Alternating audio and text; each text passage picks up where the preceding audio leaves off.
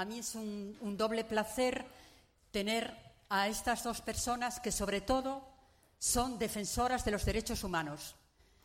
Desde el campo de la dirección de la sección española de Amnistía Internacional y desde el periodismo. Eh, para mí realmente, que llevo 33 años de activista en el Grupo de Coruña de Amnistía Internacional, esto es un regalo que me da la vida después de tanta burocracia, después de tantos eh, correos, eh, poder presentarlos. En primer lugar, decirles que va a hablar la periodista Olga Rodríguez y después Esteban Beltrán. El currículum es extensísimo. No se preocupen, voy a ser muy breve porque todos queremos escucharlos y aprender de lo que nos van a decir. Olga Rodríguez trabajó en diversos medios. Eh, la cadena SER, el Radio Nacional, Cuatro, en el diario.es, que colabora asiduamente, fue fundadora, y le ha tocado tenernos informado de la situación en diversos países del mundo.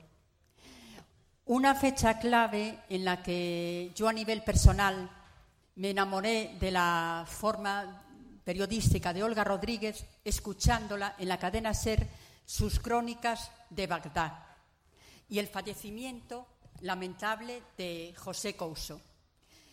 En 15 años estuvo por Europa, por Oriente Medio y de esos viajes nos quedan libros como el hombre mojado no teme la lluvia, sobre su estancia en Oriente Medio.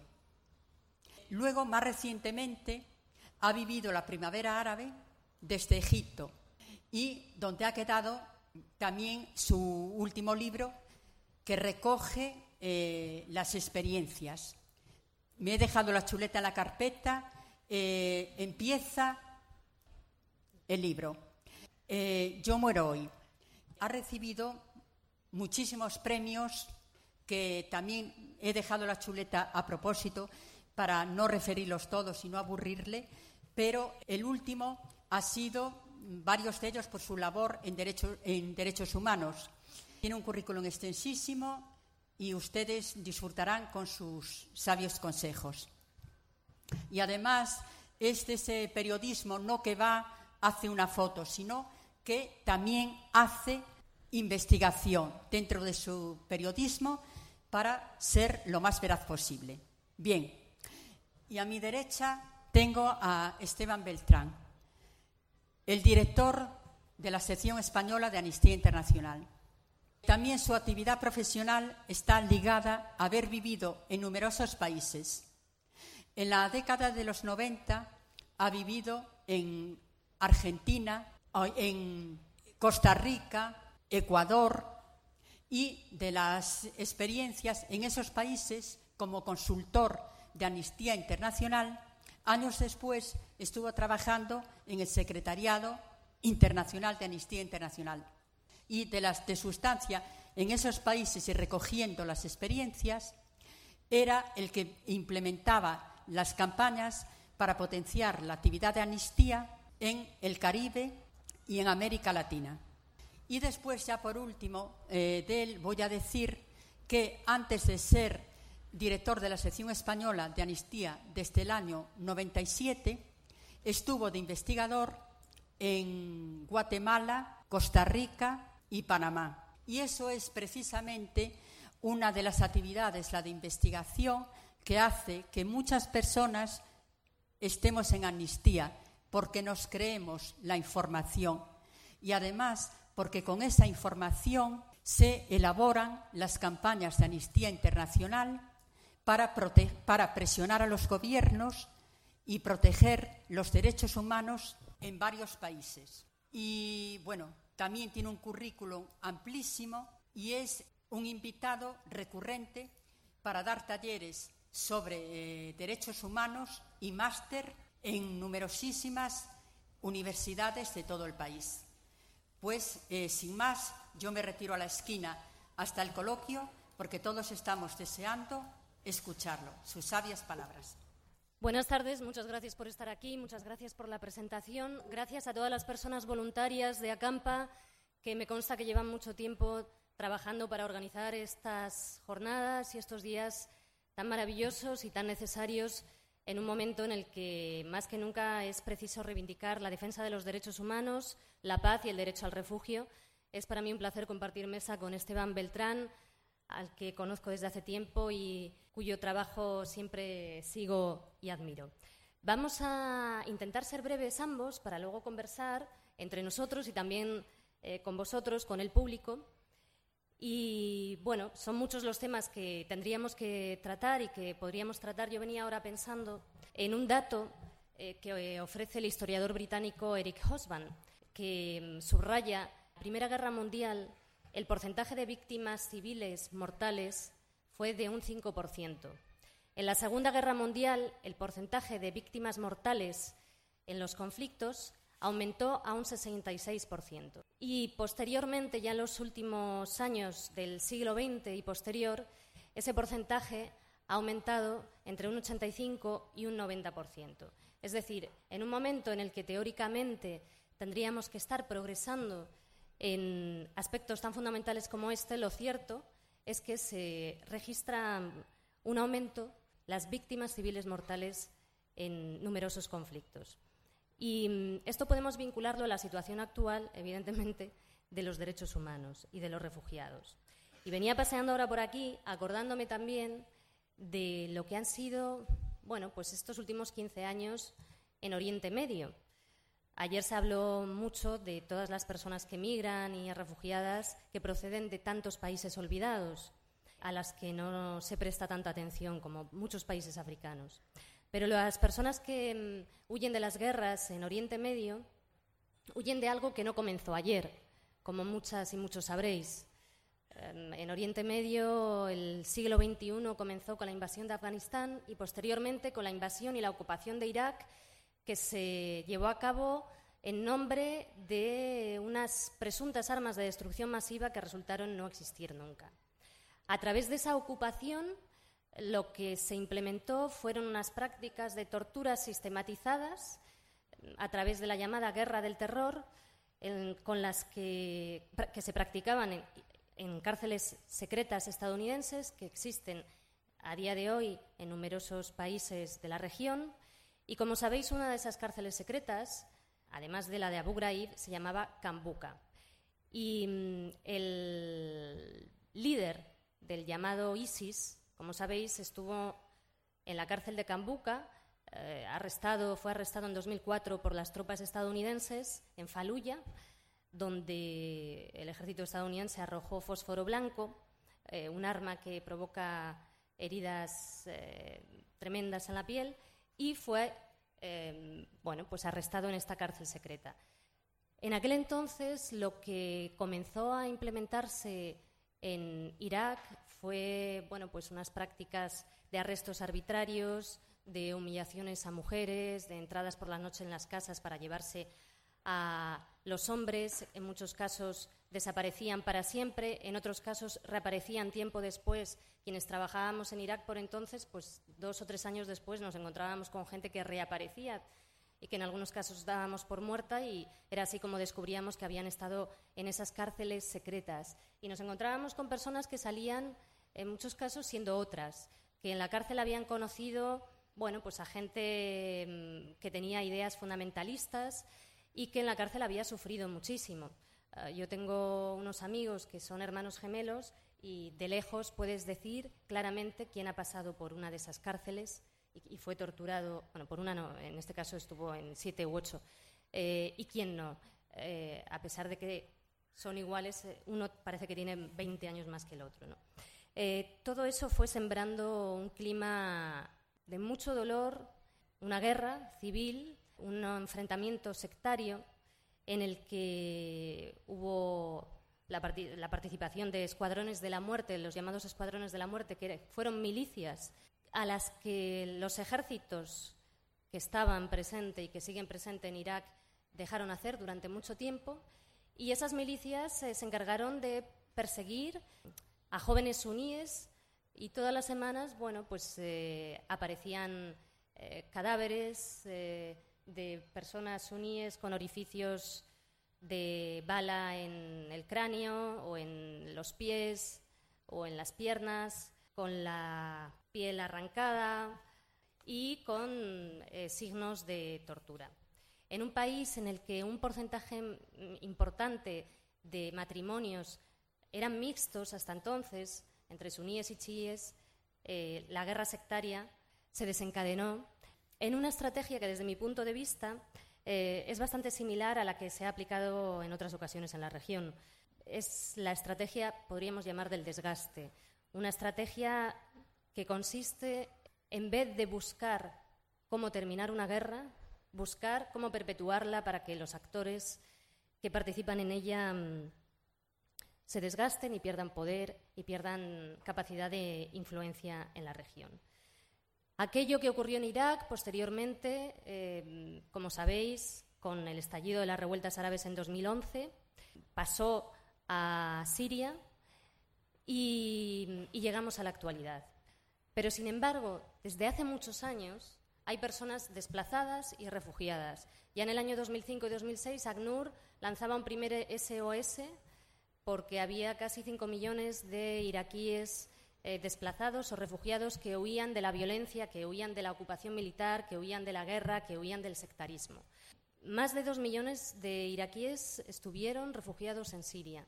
Posteriormente, con el estallido de la guerra siria, como sabéis, en la actualidad, pues hay eh, el mayor número de refugiados que hay en la actualidad eh, huyendo de la guerra son sirios y después afganos. Esta mm, situación nos debe hacer reflexionar sobre el momento que estamos viviendo. Europa acoge a unos cientos de miles, a un 0,001% de los refugiados que hay actualmente en el mundo y, sin embargo, nos llevamos las manos a la cabeza. En el caso concreto de Oriente Medio, son algunos de los países vecinos, de los países en conflicto, los que acogen al mayor número de refugiados. Líbano, por ejemplo, es un país con muchísimos problemas en muchos aspectos.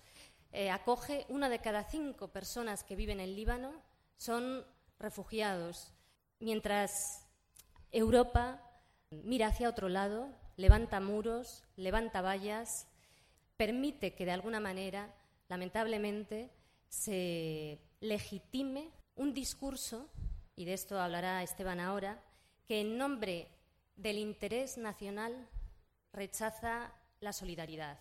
Un discurso que en muchos aspectos estamos viendo cómo pasa, como está pasando ahora en Estados Unidos con la administración Trump, que en nombre del interés nacional, que en nombre de la seguridad rechaza los derechos humanos. El otro día escuchábamos cómo el secretario de Estado estadounidense, Tillerson, afirmaba que a partir de ahora una cosa muy diferente iba a ser defender los intereses geoestratégicos de Estados Unidos y otra cosa iba a ser imponer la exportación de los valores estadounidenses.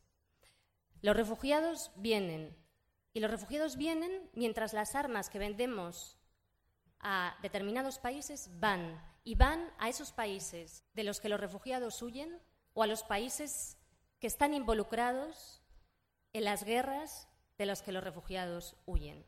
En un momento en el que además las frustraciones domésticas de las naciones mm, nos están llevando a un aumento de la carrera armamentística y un aumento en el gasto militar. El año pasado, por ejemplo, Estados Unidos gastó 612.000 millones, los destinó a gasto militar. China, 215.000 millones. Rusia, 69.245 millones. India, 63.673 millones, etcétera, etcétera. Con una tendencia claramente ascendente de manera generalizada. Que en pleno siglo XXI se decida y se legitime el discurso que cuando habla de determinadas situaciones, como puede ser el terrorismo yihadista, apueste por la vía unidisciplinar es, desde mi punto de vista, no solo errático e ineficaz, como se ha demostrado, porque la, guerra la llamada guerra contra el terror, desde que empezó a aplicarse hasta ahora, lo único que ha conseguido es que ese terrorismo se multiplique, sino que además es muy cínico, porque mm, bueno, pues tenemos que creernos que mm, estadistas con másters y con determinada formación creen realmente que la vía de las políticas que apuestan por romper alianzas con aquellos países que violan los derechos humanos no es válida? ¿No creen que las políticas que pueden presionar a determinados países son válidas? ¿Creen que la única solución es levantar muros y fronteras, vender más armas y afirmar que la solución es matar moscas a cañonazos? Lo dejo ahí para posteriormente en el debate debatir sobre ello. El modelo de gestión actual, y voy terminando, estamos viendo que es mirar hacia otro lado, externalizar fronteras para que mueran lejos de nuestras conciencias, fronteras que cada vez están más externalizadas. La frontera de Europa ya llega a Sudán del Sur. Para que nos convirtamos, y esto nos afecta a todos, en una especie de torre de marfil del 1% encerrada en su propio gueto. Hay 193 países en el, planeta, pero solo 10 de los más pobres acogen a la mitad de los refugiados hoy en día. Nunca ha habido una voluntad real desde que ha empezado esto mal llamado, mal llamada crisis de los refugiados por asumir la búsqueda de una solución eficaz. ¿Y por qué digo esto? Pues porque si hubiera una voluntad, se habrían, en vez de, de haber condenado a las personas a recorrer rutas cada vez más peligrosas, se habría podido buscar soluciones que habrían evitado muertes. El año pasado murieron más de 5.000 personas en el Mediterráneo, eh, según las cifras oficiales. Bueno, cuando los refugiados buscan un modo de llegar a Europa y ante eso se levantan vallas, se construyen muros, se instalan las concertinas y ya no pueden pasar por ahí, buscan otras rutas. Cuando esa ruta, más peligrosa que la anterior, también es cerrada, buscan otra ruta.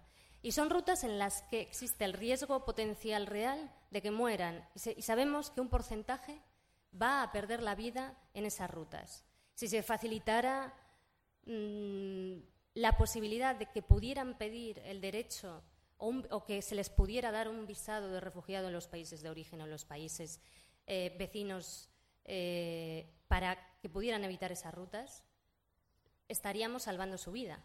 Pero esa posibilidad a día de hoy no existe. Por lo tanto, gente que tiene dinero suficiente para comprarse un billete de avión y venir, no puede coger un billete de avión y venir.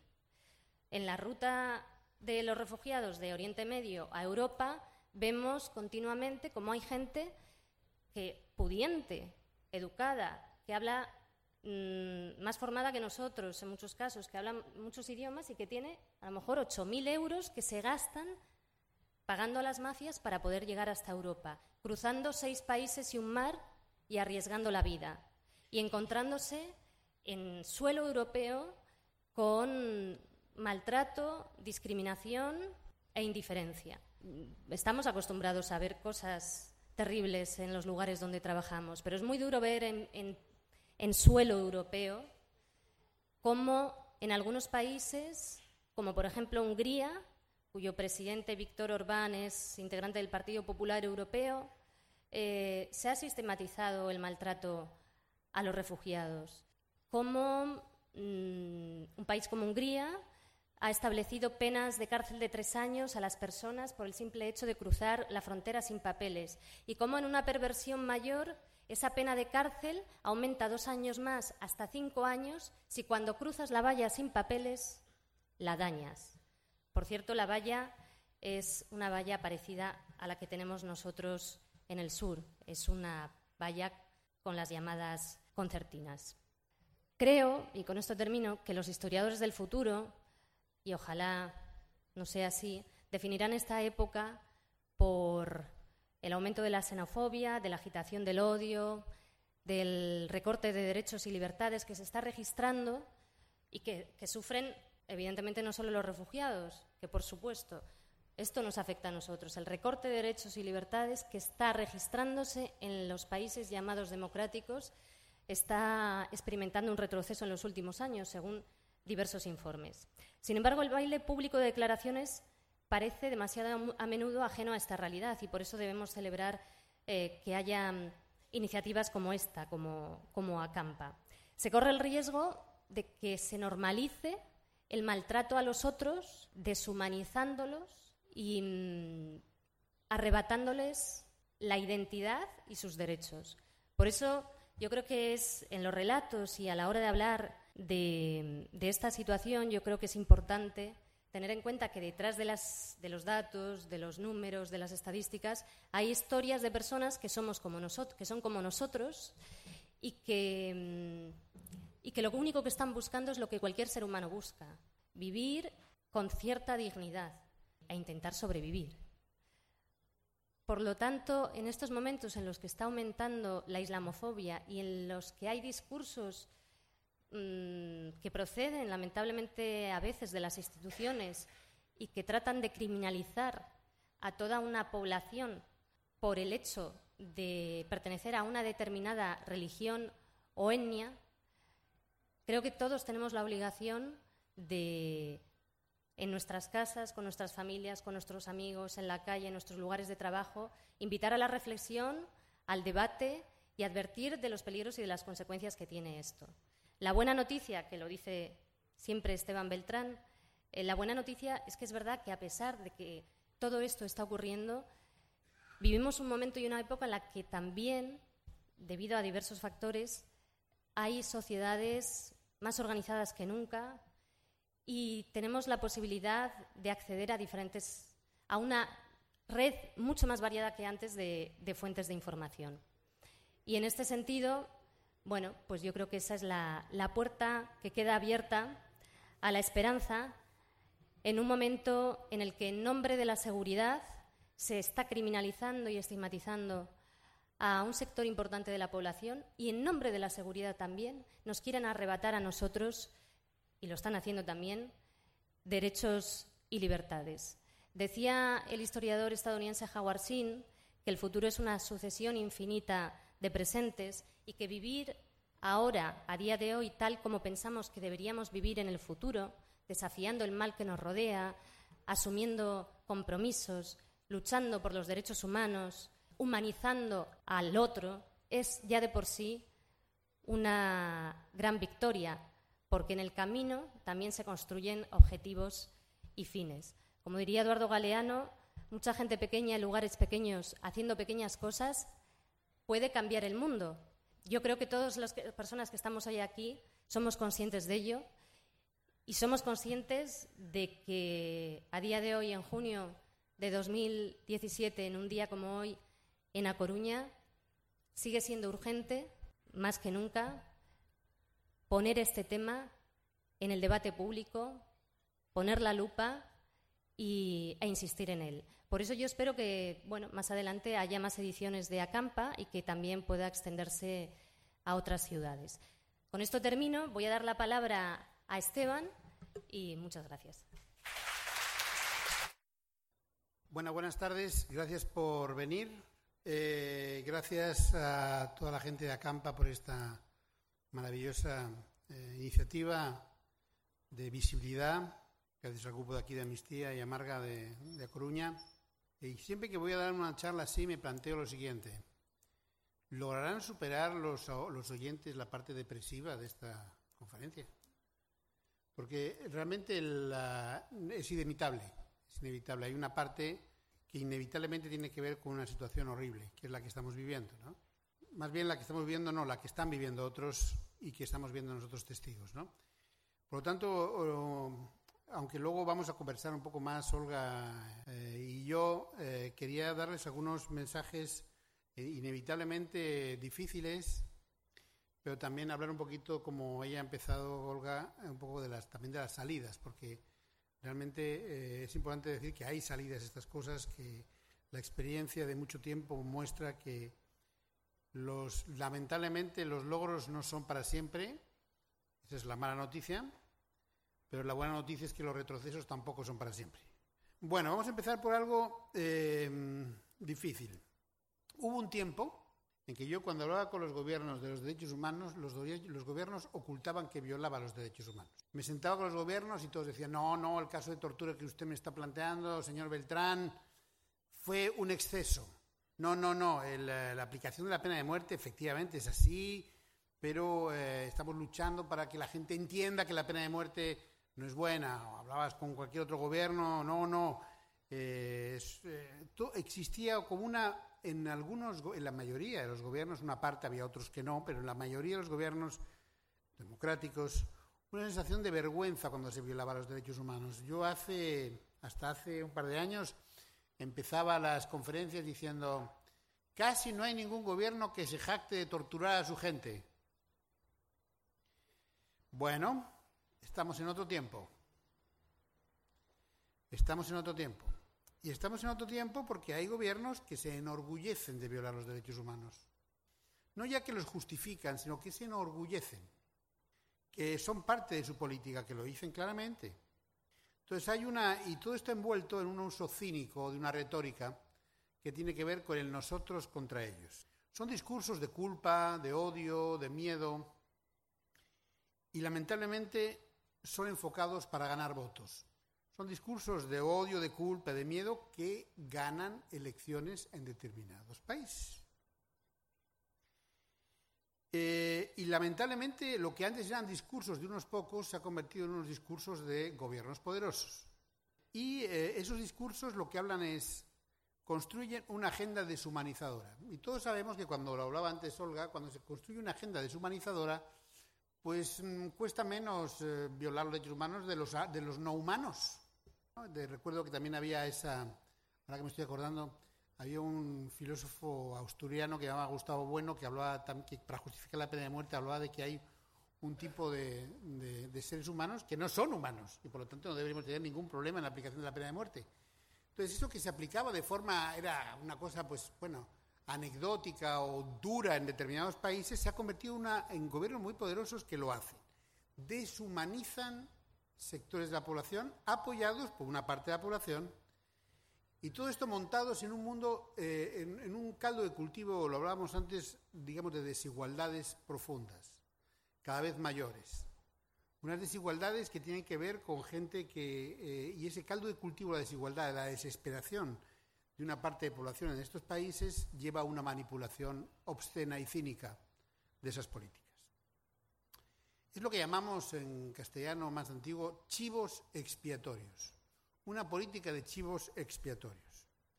Entonces son, eh, son eh, cosas brutales, ¿no? Por ejemplo, eh, hay un simpático presidente de Filipinas que se llama Duterte, que, que se jacta de que él mismo ha asesinado a varios drogadictos, personas con problemas de toxicomanía, que además Hitler dice, en una hablar de ignorancia absoluta, pero que, adaptándolo a su territorio, que Hitler mató a tres millones de judíos, fueron algunos más, y que él hay tres millones de drogadictos en su país y que él le gustaría matarles a ellos.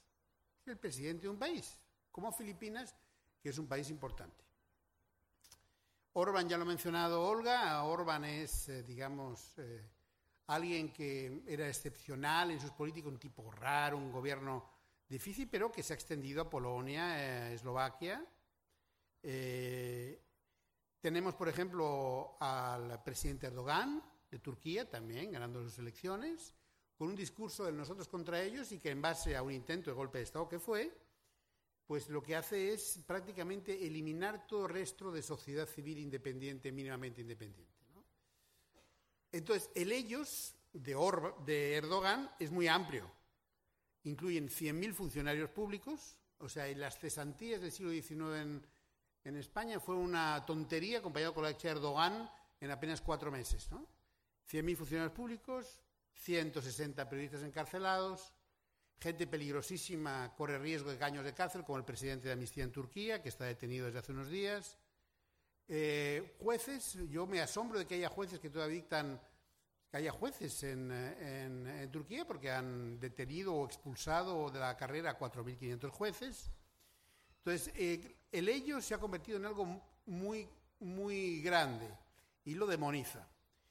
Eh, estamos hablando de ese tipo, estamos hablando de Trump, claro, eh, el paradigma de país poderoso que tiene una política de nosotros versus ellos cada vez más amplia, pues inmigrantes o refugiados centroamericanos, musulmanes de, países de donde salen los refugiados, y todos estos países importantes, India, por ejemplo, no se conoce casi India, pero el gobierno de la India eh, utiliza curiosamente leyes coloniales británicas, curioso, para eh, reprimir a una parte de la población que considera eh, culpable de afectar su soberanía nacional. Hemos, es decir, hemos, vuelto a una, a, una, a una utilización de la soberanía nacional como ariete para culpar a alguien de dentro, deshumanizarlo, violar sus derechos humanos y permanecer en el poder. Y esto, que hubo un tiempo en que eran, la gente, los gobiernos no se, no se animaban a enfrentarlo, o eran dictaduras y lo hacían directamente, ahora estamos en un marco de países que tienen sus elecciones y hay una parte de apoyo. Es la retórica del odio, peligrosísima, que desata el lado oscuro de la naturaleza humana, que como todas las naturalezas tienen su lado oscuro. Tiene que ver con la discriminación, tiene que ver con el odio, tiene que ver con la culpa y se desarrolla en políticas reales. Esto es lo duro, no solo son discursos académicos, no es la negación del holocausto de, de dos o tres historiadores locos británicos, es política real en un país. Y este es el cambio. Entonces, esta situación, ¿qué hace? nos lleva a un mundo más peligroso.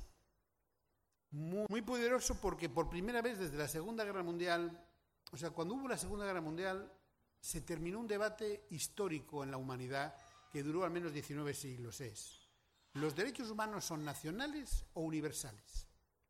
¿Todos tenemos los mismos derechos, teóricamente, o depende de cada país? Este fue el debate durante siglos, siglos no se llamaban derechos humanos, tenían otro nombre, pero fue el debate. Y después de la Segunda Guerra Mundial fueron tales los horrores que se construye un mundo a través de los tribunales de Nuremberg, Tokio, etcétera, un mundo en el que se piensa que los derechos humanos son inalienables, es decir, dependen de la dignidad humana, de la naturaleza humana. Son, todos somos libres e iguales en dignidad y derechos. Esta es la revolución que se crea después de la Segunda Guerra Mundial y que violando esos derechos humanos, como, como concepto, se ha mantenido hasta hoy.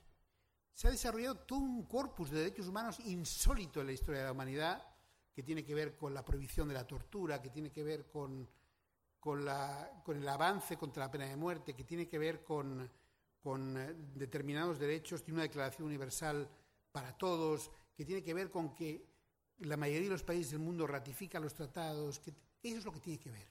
Un avance insólito que se prolonga a mejor cuando cae el muro de Berlín y comienzan a, personas que están ligadas a los crímenes de Estado a comparecer ante tribunales. Se crea el Tribunal Penal Internacional, por primera vez se juzga a criminales de Estado que no sean nazis o que no sean japoneses. Por lo tanto, el, el avance es sustancial y esto se para en estos dos o tres últimos años en que se cuestiona el mismo concepto. Esto es lo peligro de la época en que vivimos, que el concepto mismo de los derechos humanos se cuestiona, su universalidad. Y por lo tanto, si lo hacen países poderosos, nos podemos preguntar legítimamente, lo hablábamos antes con Olga, ¿quién defiende los derechos humanos? ¿Quién puede llegar a acuerdos sobre cambio climático si no se cree en él? ¿Cómo se responsabilizan compartidamente a los refugiados si se piensa que los refugiados en realidad hay que dejarlos fuera? de las fronteras. ¿Quién defiende hoy los derechos humanos? ¿Quién tiene un discurso al menos de defensa de los derechos humanos? ¿Qué liderazgo hay sobre derechos humanos en un escenario mundial caótico? Porque yo defiendo que los derechos humanos sirven a la estabilidad de un país. Los países más estables son los que tienen un cierto apego a los derechos humanos en la sociedad. Y sin derechos humanos vamos a un mundo caótico e inestable. Y ahí están, pues lo que hablábamos ayer, lo que hablábamos, ¿no? De Turquía, está India, están países africanos, o sea, no solo tenemos que hablar de los países, digamos, más poderosos, países como el país de Mandela, de Mandela, cuestiona la Corte Penal Internacional. dice que se quiere apartar de la Corte Penal Internacional. Claro que la Corte Penal Internacional tiene problemas, claro que eh, ha mirado a África solamente, pero se aparta de, la Corte Penal Internacional el país que tiene el apartheid, que, se creó como crimen de derecho internacional porque ocurría en ese país. Que una mezcla de movilización interna en ese país más movilización internacional hizo cambiar la situación. Ese país de Mandela quiere abandonar la comunidad internacional. Por supuesto, no hablamos ya de Estados Unidos, de Rusia, de China. China es un país realmente un gobierno coherente.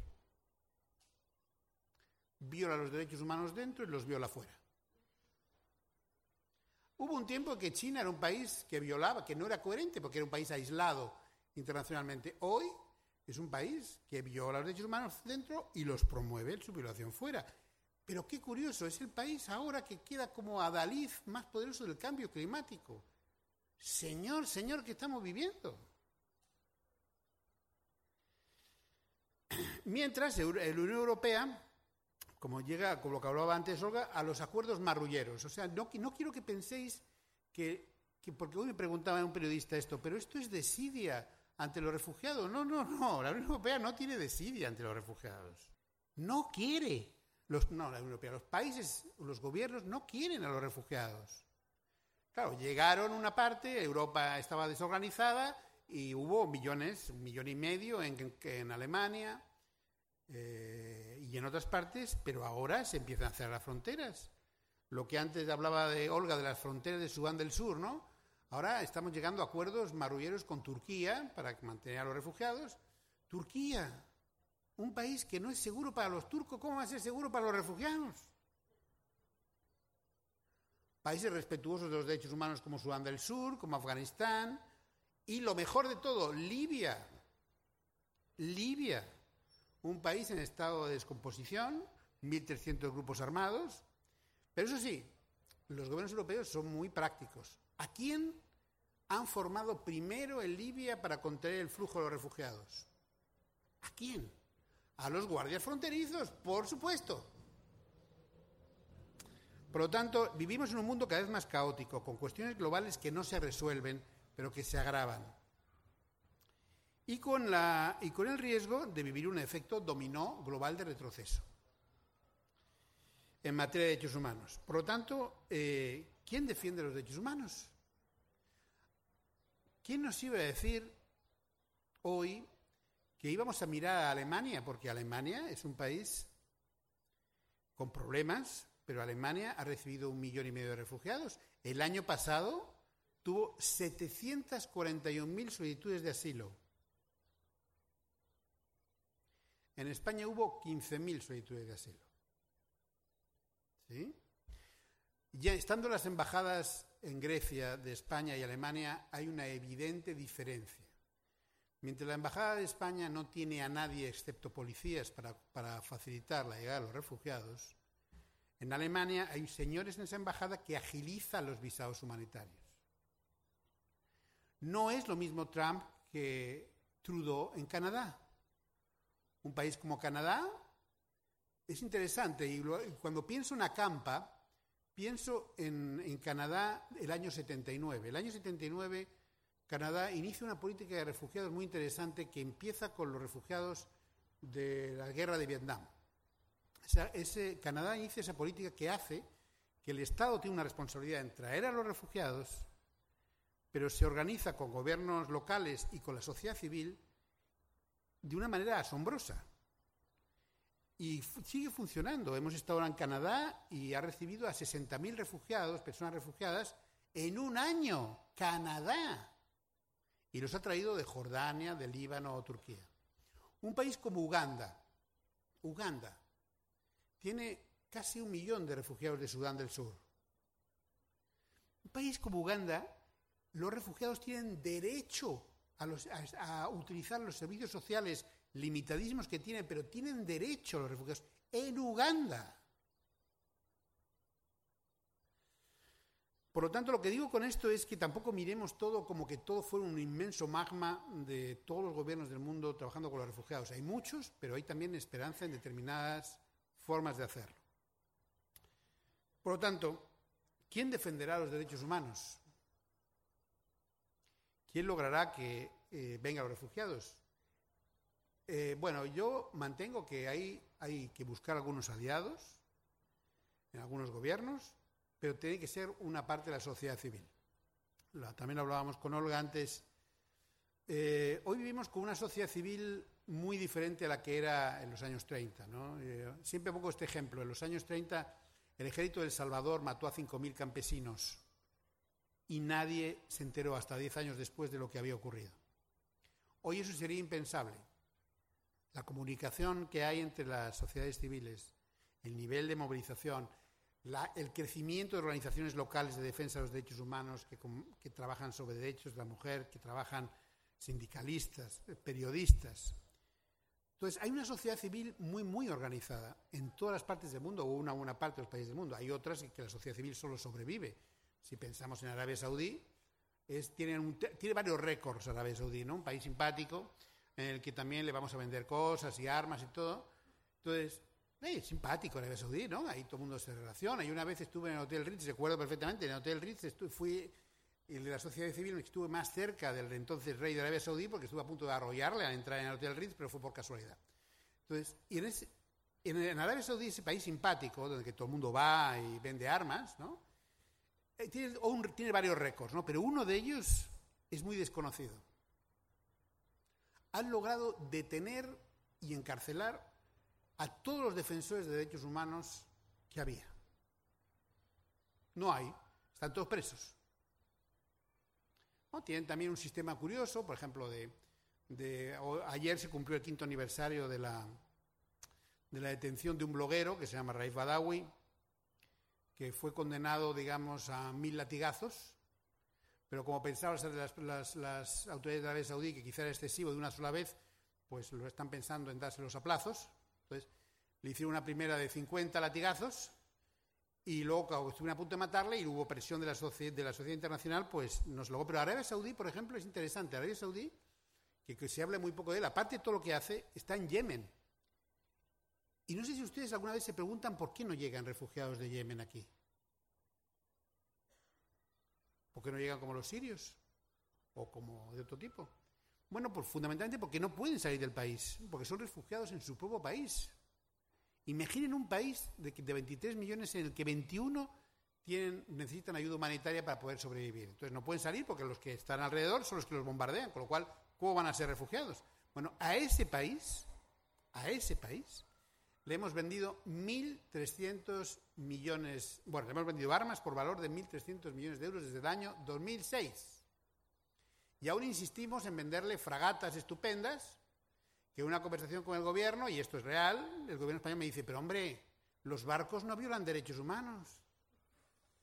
Entonces yo digo, claro, claro, los barcos, los barcos de piratas no violan derechos humanos. Pero si los, armamos y, bloquean el puerto de Adén, pues violan derechos humanos, digo yo.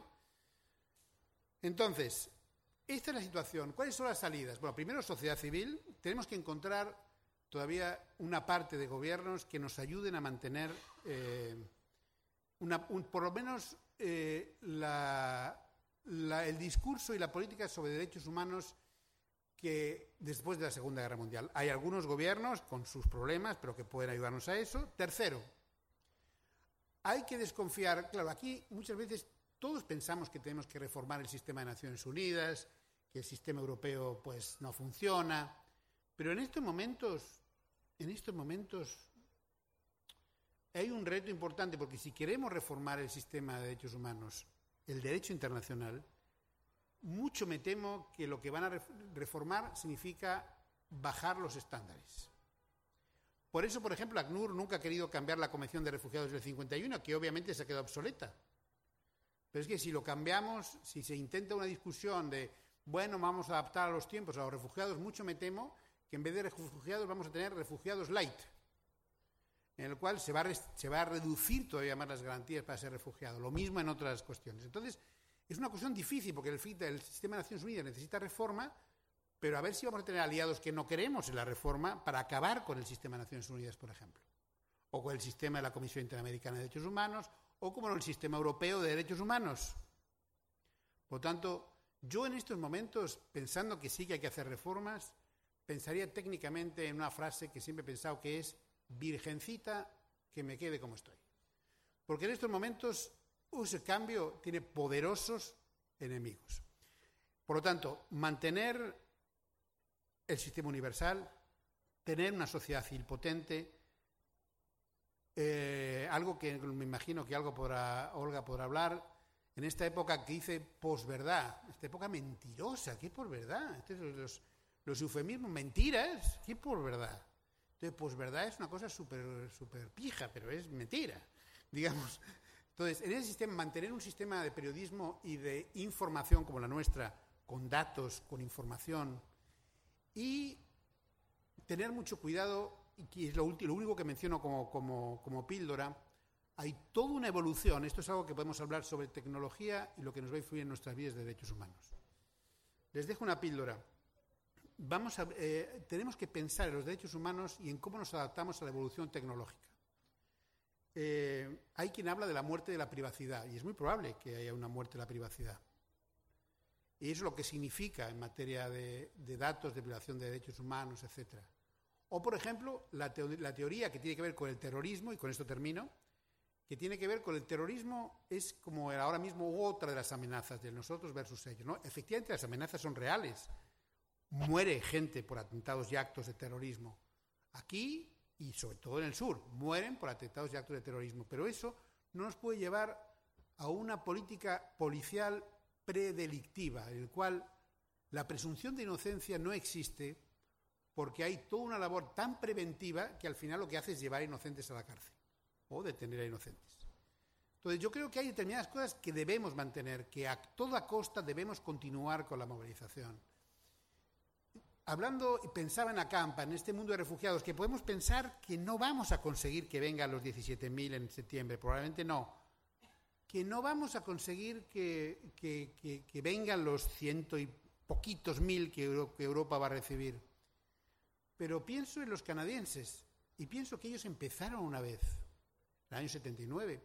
Y el año 79, cuando empezó esa movilización de la sociedad civil, hubo muy pocos refugiados que llegaran.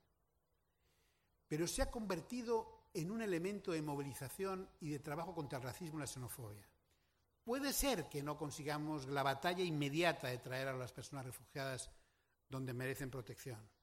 Pero tengo la esperanza de que esta movilización tan grande que ha provocado sirva para cambiar las sociedades y nos prolongue los años. Tanto en un momento determinado eh, podamos recibir a los refugiados como merecen según el sistema legal. Pero, es, pero es que era después de un cambio de la sociedad que presiona a los gobiernos. El año, en Canadá en el año 79 llegaron muy pocos refugiados. Hoy estamos, están llegando 60.000, 70.000. Llegaron los de Bosnia, llegaron los de Yugoslavia. Esos son cambios que llegan tarde para mucha gente, pero que consolidan sociedades. Gracias. Ante esa pregunta que, formulaba Esteban, ¿quién protege, quién defiende los derechos humanos? Como periodista me siento obligada a hacer una reflexión y también una propuesta antes de formularle a él una pregunta. recordaréis que desde, por ejemplo, el Gobierno español se alertó en su día del peligro de infiltración de yihadistas entre los refugiados. Se lanzan mensajes que los criminalizan y que los engloban como una amenaza para nuestra sociedad. Y eso se hace eh, desde los sectores políticos y desde los medios de comunicación, y se usan los medios de comunicación como altavoz. Comentaba esta mañana en otra charla que recuerdo que el año pasado, estando en la frontera de Serbia con Hungría, en un momento en el que veíamos cómo a diario las autoridades policiales de, Hungría maltrataban a los refugiados, eh, los obligaban a estar durante horas de pie bajo el sol eh, aguardando una cola, si se sentaban les empujaban, posteriormente los metían en camiones con barrotes, lo cual ya tiene un simbolismo muy determinado, los enviaban a campos en los que continuaba el maltrato, quienes por el camino trataban de huir a menudo se perdían, veíamos casi a diario a niños perdidos de sus padres o de sus madres, en las, puertas de los campos gente buscando a sus seres queridos, con la foto está aquí, esta persona, eh, evidentemente sin obtener ningún tipo de información. Recuerdo una noche en la que, mm, bueno, pues no dejaban entrar a un lugar más cálido a unos refugiados y estaban a las puertas de, uno de los campos y un policía iba en una perversa selección arbitraria diciendo tú sí, tú no, tú sí, tú no. Y una mujer alzaba su bebé diciendo baby, baby, diciendo dejad entrar a mi niño porque necesitaban mantas, hacía frío, la gente con los labios morados, etcétera. Y al día siguiente de aquello yo llegué a España y enciendo la tele y veo a un tertuliano hablando de que hay una invasión musulmana soterrada en prime time. Entonces, em, ¿quién defiende los derechos humanos? Desde luego, si en los medios de comunicación vale todo y no se establecen fórmulas de presión para avergonzar y señalar a aquellas personas que de manera habitual inoculan un discurso que cada vez está más normalizado y que deshumaniza, como decía Esteban al otro, eh, bueno, pues, pues estamos, estaríamos, estamos en una situación bastante preocupante en ese sentido. Quizás en ese sentido, yo no sé si, bueno, eh, creo que desde nuestra profesión, desde la profesión de los relatores y narradores de la, de la actualidad, sería preciso un observatorio de protección de derechos humanos y señalar y apuntar y, e ir recabando de forma semanal y diaria todas estas barbaridades que se van difundiendo y que van, y que van calando. Hay mm, ciertas prácticas eh, periodísticas que son muy nocivas. El concepto en sí de noticia ya de por sí nos lleva a no poder hacer determinadas coberturas, porque ¿qué se considera noticia? Lo que ocurre todos los días no es noticia, porque ocurre todos los días. Por eso hay cuestiones fundamentales que van a la raíz de las cosas, de nuestros problemas actuales, que no se cubren porque pasan todos los días. Y solo se habla de ellas cuando se actualizan determinados datos. Y hay una práctica que es la de la equidistancia, que está muy de moda y que se aplica demasiado a menudo, que establece un mismo nivel y un mismo trato para el opresor y el oprimido, para el violador de los derechos humanos y la víctima de los derechos humanos. Y yo siempre pongo un ejemplo eh, para explicar esto. Imaginemos que estamos en la Segunda Guerra Mundial y que mm, un periodista dice, bueno, el rabino del gueto de Varsovia afirma que los nazis están masacrando a los judíos. Goebbels lo niega y dice que eso es solo propaganda. Fin. Y no cuentas nada más, ¿no?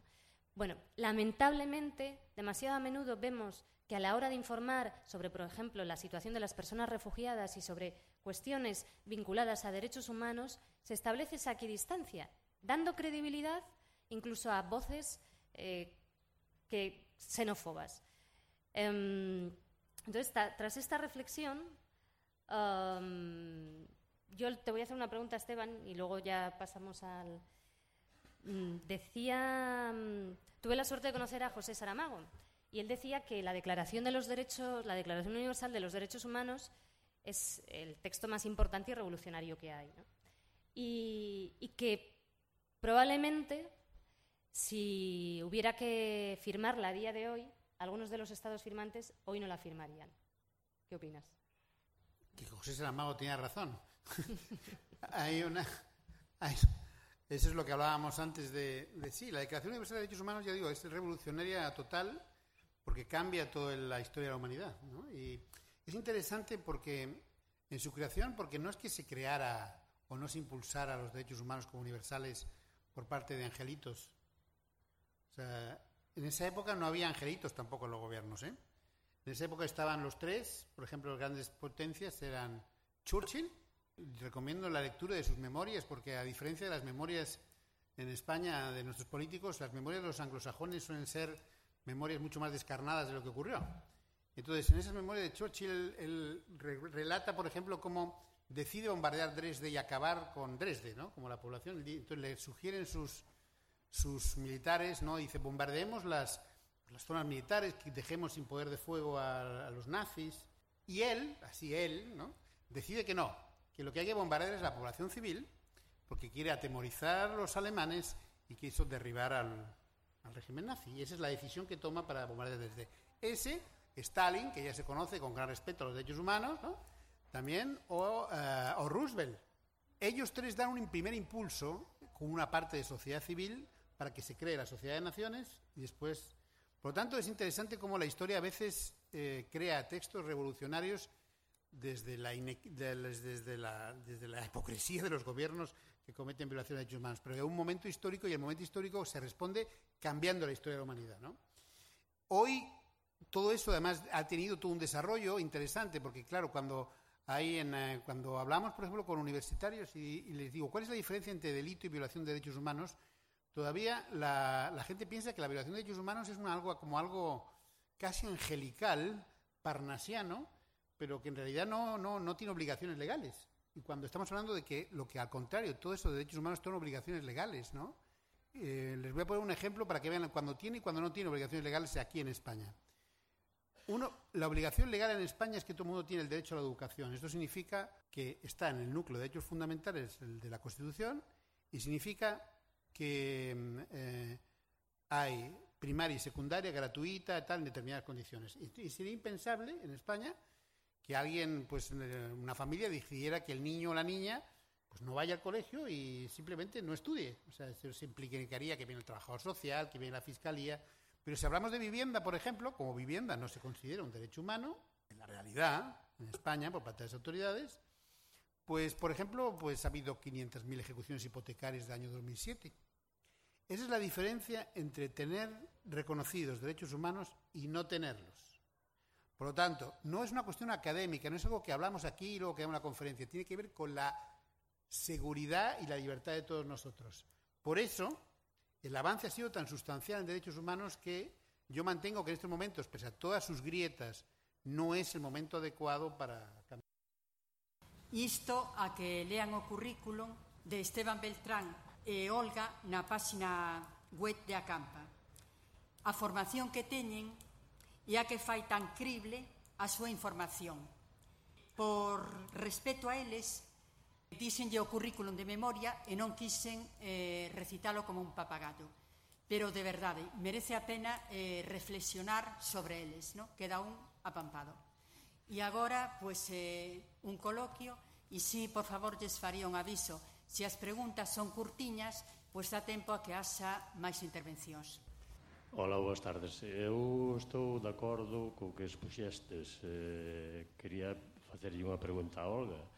Eh, se hai moitos compañeiros dela dos medios de comunicación locais, regionais e nacionais aquí eh, como aquí hoxe en outros actos que se fan en outros lugares que informen verazmente do que, se, do que eles nos están dicindo. Porque eu penso que moitos dos medios de comunicación informan en función da subvención.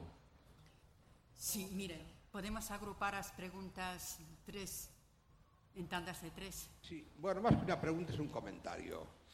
Eh, eh, se ha dicho por Esteban Beltrán que Arabia Saudí es un país mm, simpático. Sí, tremendamente simpático, porque eh, suministra petróleo a todo el mundo y, e incluso, por supuesto, a Estados Unidos, por supuesto, y, y eso le da derecho a ser uno de los mayores vendedores de armas a la yihad islámica.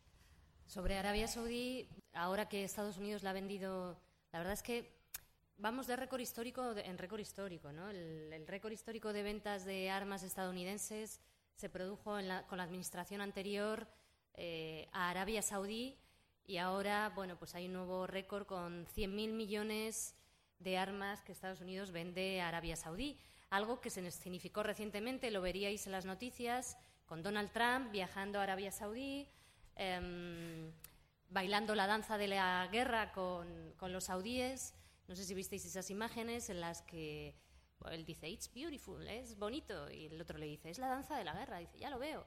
Bueno, Arabia Saudí, eh, claro, es una monarquía absolutista en la que, como explicaba Esteban Beltrán, eh, se violan continuamente los derechos humanos, eh, es imposible ser un activista eh, defensor de los derechos humanos y estar en libertad en ese país, pero además las políticas de Arabia Saudí en la región, bueno, pues en la región desde Arabia Saudí han salido armas o ayuda a um, grupos que están participando en, guerras en varios países de la región, a grupos fundamentalistas, desde Arabia, Arabia Saudí ha disparado a manifestantes en Bahrein, eh, Arabia Saudí ha bombardeado a civiles y bombardea a civiles en Yemen, o ha apoyado a un golpista en Egipto. ¿no? Con lo cual, bueno, pues este, este es uno de los pilares de las alianzas de, de algunas potencias occidentales en la región y mientras eso no cambie, lamentablemente, creo que mm, eh, uno de los avances fundamentales que tendría que darse en la región va a seguir absolutamente estancado. Esa cumbre de Riyadh y de Estados Unidos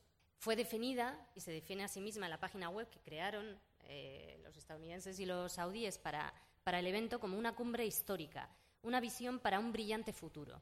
Y en ella, tanto Trump como el secretario de Estado eh, se encargaron de. Mm, bueno, dejar claro que no se iban a meter en los asuntos eh, internos de Arabia Saudí y desde Riyadh quisieron dejar claro y subrayar eh, pues el lanzamiento de toda una serie de amenazas a Irán. Entonces estamos en una época muy pacifista, como vemos.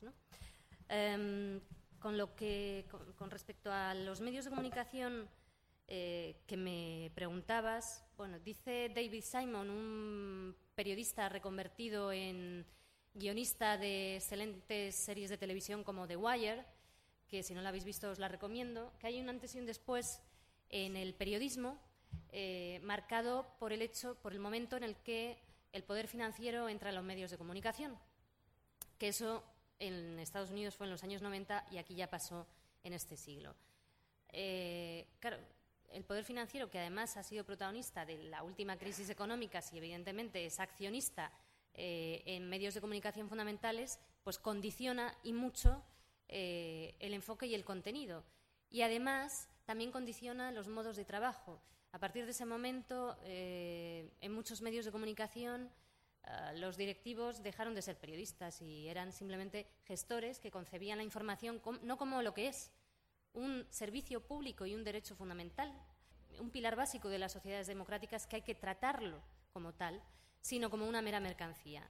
Y mm, en muchos eh, medios de comunicación se despidió a la gente más crítica y más preparada y además se precarizó mucho la profesión para que fuera mucho más difícil reivindicar los derechos que considero que, debemos tener para poder ejercer nuestro trabajo con libertad y con dignidad. Evidentemente, como bien ha preguntado el caballero, eh, claro que hay muchísimos condicionamientos. Uno es este que acabo de explicar, otro es la publicidad institucional, eh, que hay muchas, em, muchas eh, empresas periodísticas que dependen de ella totalmente y por lo tanto marca la agenda. Y también hay bueno, una tendencia a la espectacularización, porque sí, en esa obsesión por reducir la información a, una mera mercancía, convirtiéndola en el mejor de los casos en infoentretenimiento y mm, decidiendo que se apuesta por lo que es eh, más barato de cubrir y por lo que va a ser más fácil conseguir audiencia, cuando, cuando en realidad eh, el tema de la audiencia es la cuadratura del círculo, porque si supiéramos qué es lo que da audiencia, pues todas tendrían muchísima audiencia siempre. ¿no? Y lo que está claro es que hay cuestiones de nuestra actualidad muy importantes que cuando son eh, bien tratadas, bien narradas y cuando se apuesta por ellas en los medios de comunicación, eh, funcionan y despiertan el interés en la gente. Pero claro, si tú eh, destinas a una hora intempestiva eh, la emisión de un determinado reportaje sobre los refugiados, pues lo van a ver cuatro gatos. Si eres valiente y decides en, horario prime time, después de haber estado durante 15 días anunciándolo como un evento, hablar de determinadas realidades, sin duda vas a despertar el interés y vas a tener audiencia. Es, al igual que la política, una cuestión de voluntad, ¿no? Pero efectivamente, como bien decías, pues claro, hay muchos condicionantes. ¿Más cuestiones que podemos agrupar? Así unas cuantas, van dos palabras. Buenas tardes. ¿Ustedes no creen que los refugiados son un negocio y que mientras que ese negocio se mantenga va a ser muy difícil intentar solucionar la, situación que tienen, porque hablemos de las grandes multinacionales que se arrancan la cabeza presentando diferentes carpas y haciendo negocios con ACNUR. Por ejemplo, IKEA, en una venta de carpas, logró obtener 35 millones de euros, de dólares, perdón, eh, en un contrato que hizo ACNUR con IKEA. O la gestión de tarjetas, que se le dan 50 euros a a cada refugiado para que puedan hacer sus compras, que también son gestionadas por unas mini empresas bancarias, bueno, y como eso, muchas otras que andan pululando por allí. Hola, eh, yo quería preguntar, porque por lo menos en Galicia estamos, tenemos mucho contacto con gente de Hispanoamérica por el tema de la migración y aparte porque nos une la cuestión del idioma. Entonces es mucho más fácil entenderse y saber de primera mano lo que pasa o lo que te cuentan de allí. Claro, entonces a mí me gustaría que me explicaran eh, qué conocen sobre la violación de derechos humanos en países de Centroamérica y Sudamérica, porque yo sí tengo vecinos, tengo compañeros en la universidad que tienen familias allí y están muy preocupados y te cuentan cosas aberrantes de primera mano.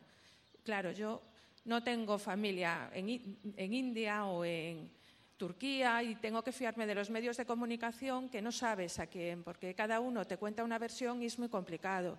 Pero claro, lo que si te están contando de primera mano, pues claro, en Galicia, la verdad, yo francamente estoy más preocupada por esos temas porque los conozco de primera mano y lo puedo entender mejor por la cuestión del idioma. Gracias. Sí, brevemente, eh, gracias las dos preguntas. Eh, esta última, lo que está viviendo América Latina es una situación eh, en la cual Aparentemente la democracia ha, triunfado como forma de, política, pero la democracia se parece cada vez menos a la democracia. Entonces, eh, México es, por ejemplo, uno de los países que hay que mencionar. ¿no? México es un país donde buena parte del Estado está en conexión con el grupo de delincuentes organizados en donde en una democracia, supuestamente como la mexicana, ha habido desde el año 2007 30.000 desaparecidos, o sea, como en Argentina de la dictadura. Un país eh, en el que los periodistas son asesinados. Eh, estuve hace un año en Sinaloa, en el lugar donde gobernaba el Chapo Guzmán, en colaboración con las autoridades locales. Uno llega al aeropuerto de Culiacán, la capital del estado, y yo conté 96 aviones privados, por ejemplo. Un Estado donde no hay sociedad civil, donde no hay organizaciones de derechos humanos, donde no hay organizaciones locales y donde los periodistas eh, realmente eh, se juegan la vida. Eh, Javier, el periodista asesinado, trabajaba sobre las conexiones de los grupos delincuenciales con el Estado y hay otro, también del periódico Río 12, que trabaja sobre lo que hace el, Estado y las torturas que comete el Ejército y la Marina. Realmente eh, hay muchos héroes contemporáneos en América y en Centroamérica que viven en México. Y el deterioro eh, tiene que ver con, eh, con, con, eso, con el que el sistema o bien es tomado por grupos delincuenciales, o bien, como Guatemala también, por ejemplo, en el ámbito de Centroamérica, o bien, eh, como en el caso, por ejemplo, de Venezuela, hay un deterioro enorme de las condiciones del país eh, y en el que el Estado, el Poder Ejecutivo, ocupa prácticamente todo el Estado y donde no hay independencia. ¿no? En Venezuela es interesante, por ejemplo, ver cómo el 45% de los, por ciento de los jueces son temporales. Por lo tanto, no tienen la carrera eh, asegurada y por lo tanto son cambiados.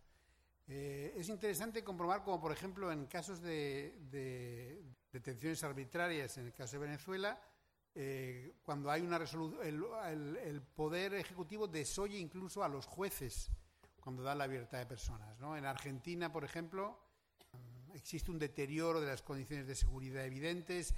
Ese país que durante años avanzó como ningún otro, probablemente en el mundo, sobre verdad, justicia y reparación, y logró eh, que casi 500 militares estén en detención, en arresto domiciliario, con el riesgo de desandar parte del camino. Eh, por lo tanto, en, no, no, en América Latina y en Centroamérica la situación es muy, muy preocupante. Eh, de hecho, ahí hay una parte de lo que llamamos los, refugiados invisibles, que son aquellos que de Centroamérica que no se consideran refugiados, se les considera casi inmigrantes, cuando en realidad huyen de una violencia muy fuerte, ¿no? Por lo tanto, no me extraña que sus familiares, digamos, les comenten lo, dónde están, porque la situación es muy grave, muy difícil. y además en un elemento que es crucial para derribar y carcomer una sociedad. Una sociedad no puede sobrevivir si se basa en la impunidad. La impunidad carcome la sociedad.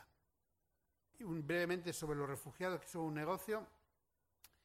No creo que sea el elemento fundamental el negocio de los refugiados, excepto que consideremos un negocio que afecta a los refugiados el tráfico de armas, claro. Pues el tráfico de armas, cuando bombardeas un lugar, huye la gente que no muere. Lo que hablaba antes Olga de los, civiles que ahora mueren y antes no morían, como la Primera Guerra Mundial. Pero más bien el que no reciban a los refugiados es una cuestión meramente, en algunos casos, electorales. En otros casos es simplemente eh, eh, creer en el mensaje racistas y xenófobos de eh, transmitir a la sociedad. Y, y, en, los que lo reciben es interesante, ¿no? Por ejemplo, estábamos viendo cómo Alemania, por primera vez en 15 años, tiene por primera vez la curva de natalidad de gente mucho más joven por la llegada y la contribución de los refugiados y migrantes que están, ¿no? No es el elemento fundamental sea un negocio, es eh, gobiernos que violan los derechos humanos y en este caso utilizan como chivo expiatorio a los refugiados. Por añadir eh, brevemente, eh, bueno, una pequeña historia que yo creo que narra bien el nivel de impunidad que hay en, en México, que ha contado también Esteban Beltrán. Trabajar en, México como periodista para mí ha sido bueno, creo que solo comparable en dificultad a, Irak. Allí hay auténticos héroes y heroínas anónimos que se juegan la vida a diario y que a veces la pierden por mantener a la sociedad informada y por mantenernos informados. Recuerdo, por ejemplo, hace unos años, estando trabajando en Ciudad Juárez, como por aquel entonces trabajaba en la televisión, como a mi compañero cámara y a mí nos, empezaron a seguir en el momento en el que eh, tratamos de hacer eh, entrevistas en, las maquilas y también a determinados empresarios locales eh, em, y algunos policías. Sabéis que la policía está muy afectada por la corrupción también. Cómo, bueno, empezamos a, sufrir un seguimiento continuo hasta llegar un momento que un día, eh, como en las películas, llegamos al hostal donde nos alojábamos y teníamos la puerta de la habitación abierta y todo desordenado. Eh, en un momento dado habíamos quedado para entrevistar a un abogado eh, que había defendido los casos de dos trabajadores humildes que habían sido condenados a penas de cárcel como chivos expiatorios, como cabezas de turco, por un asesinato, por un feminicidio que posteriormente se comprobó que ellos no habían sido. Em, entonces, cuando fuimos, estábamos acercándonos a su casa donde habíamos quedado para entrevistarle, eran las cuatro de la tarde, pleno día, y lo que vemos es que toda la zona estaba acordonada y en la calle había un cadáver recién tiroteado que era el de este hombre al que, al que íbamos a entrevistar. Esto es la cotidianidad de un México eh, marcado por esa impunidad que ha explicado eh, también Esteban Beltrán. Y un dato sobre Latinoamérica. Eh, sabéis que es el dato datos del, del año pasado. De los 65,3 millones de desplazados, 21,3 son refugiados. Bueno, el número más elevado a nivel mundial de personas desplazadas eh, es eh, las procedentes de Colombia, con 6,9 millones de personas desplazadas. En cuanto al negocio, no es un negocio en sí, pero sí hay todo un negocio en torno a la llamada seguridad. Es decir, hay un negocio eh, para las empresas que construyen las vallas, que construyen, que, instalan las cámaras, para las empresas que gestionan los centros de internamiento para extranjeros, llamados así eufemísticamente, que son cárceles para personas que no tienen papeles. Sí hay todo un negocio que gira en torno a eso y que lamentable los últimos, lamentablemente en los últimos años ha aumentado. Y que además tiene que ver con ese momento que hablábamos antes de que en nombre de la seguridad, con la que además se hace negocio, se está criminalizando la solidaridad y también se está llegando ya a nivel gubernamental a esa máxima que explicaba Esteban de si tú lo haces, anda, si tú lo haces, yo también. Si tú, si tú lo haces, si tú estás violando los derechos humanos, pues yo también. Lo cual es una carrera hacia el abismo eh, bastante peligrosa. ¿no? Quería preguntar, siguiendo con este tema de Latinoamérica, si pueden comparar las, las dos rutas de los refugiados que están viendo, las de Centroamérica hacia Europa y las de, perdón, las de eh, Oriente Medio Europa y las de Centroamérica que, que, que, van al norte. La parte de Centroamérica que conozco más, eh, le dejo la otra parte a Olga. La parte de Centroamérica eh, Tuvimos una, es interesante, porque tuvimos una reunión hace un, dos meses con el secretario de Gobernación mexicano. Lo que intentan es visibilizar, o sea, hay una parte que tiene que ver con, con, con la anterior administración norteamericana, el gobierno mexicano tenía acordados 14 puntos, por lo cual eh, Estados Unidos deportaba a personas y ahí lo recogía el gobierno mexicano y lo gestionaba. Pero el gobierno mexicano, esto es importante, eh, solo lo hacía para los mexicanos, cuando el mayor flujo que hay es de centroamericanos, a través de México van a Estados Unidos.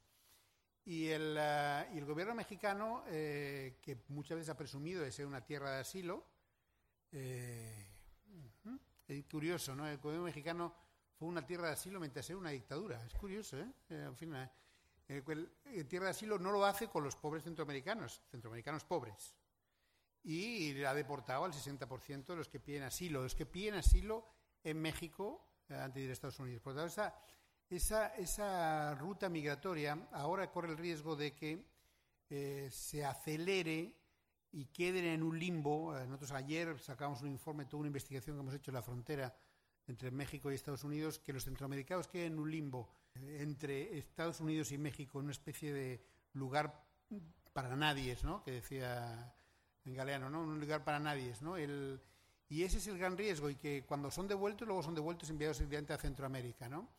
Hay una gran pelea que hay que hacer en esa, en esa ruta migratoria, y es que la gente que huye de la, huye de la violencia, no, no solamente de la miseria. Eh, esos estados como El Salvador, como Guatemala y sobre todo como Honduras, son países que hacen que la gente huya de la violencia, de la violencia en la que une policía o fuerza de seguridad con delincuencia organizada. Y eso merece el asilo, igual. A ver si ahora vamos a empezar a pensar que como no hay dictaduras formalmente establecidas en esos países, pues no merecen asilo y son todos inmigrantes y son todos inmigrantes económicos. No, no, no. Huyen de la violencia.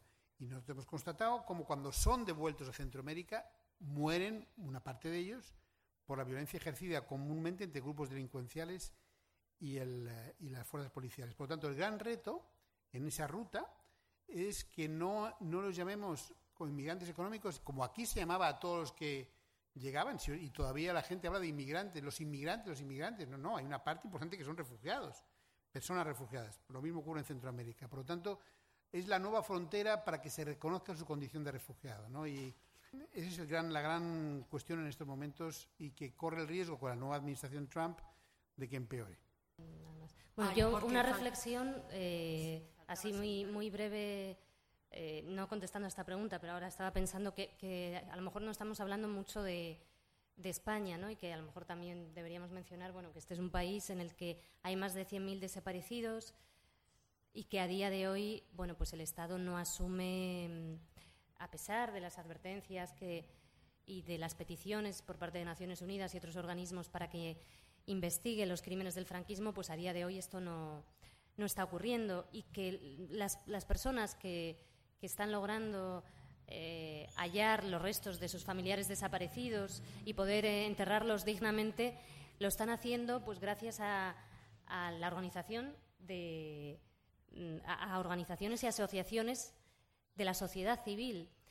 Um, decía Esteban que en estos tiempos es fundamental que asumamos desde la sociedad civil la defensa de los derechos humanos. Eh, y estoy absolutamente de acuerdo. Sin olvidar nunca que ojalá llegue algún día en el que los Estados asuman determinadas responsabilidades y determinadas tareas que, tendrían que, ser suyas. Eh, y por lo demás, bueno, pues aquí estamos viendo cómo también ese recorte de derechos y de libertades que, que es tendencia en algunos sitios nos está afectando en España con eh, leyes como la ley Mordaza, la llamada ley Mordaza, que es algo que, que, está llevando a muchos periodistas a tener que pagar multas o a manifestantes o activistas y que, bueno, que pensé que en esta mesa pues, teníamos que mencionarla ¿no? y ser conscientes de las limitaciones que, que pone y, y de la necesidad de derogarla.